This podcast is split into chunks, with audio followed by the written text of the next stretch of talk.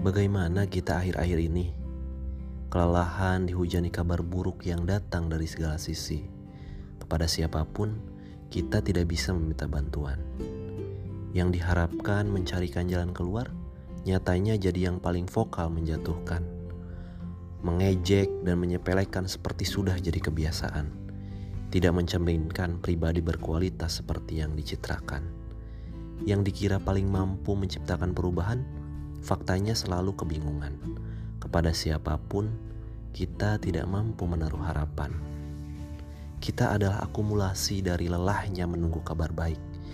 Puncak dari kesabaran yang kian hari menipis. Marah yang tertimbun dan kecewa yang berlapis-lapis. Kita patah berjamaah. Lalu hadirlah bulan Ramadan meminta kita dengan atau tanpa paksaan untuk sejenak berhenti.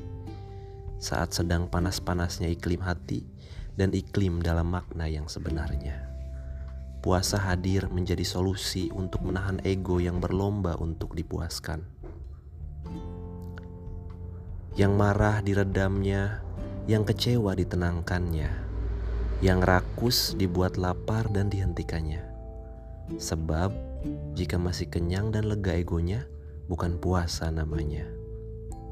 Sebentar lagi, insya Allah, lapar dan haus pasti, tetapi ada yang akan menjadi sangat tenang dan lega.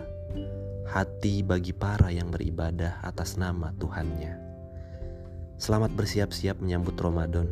Mari sejenak memadamkan pemberontakan yang dengan atau tanpa sadar membuat kita semakin liar.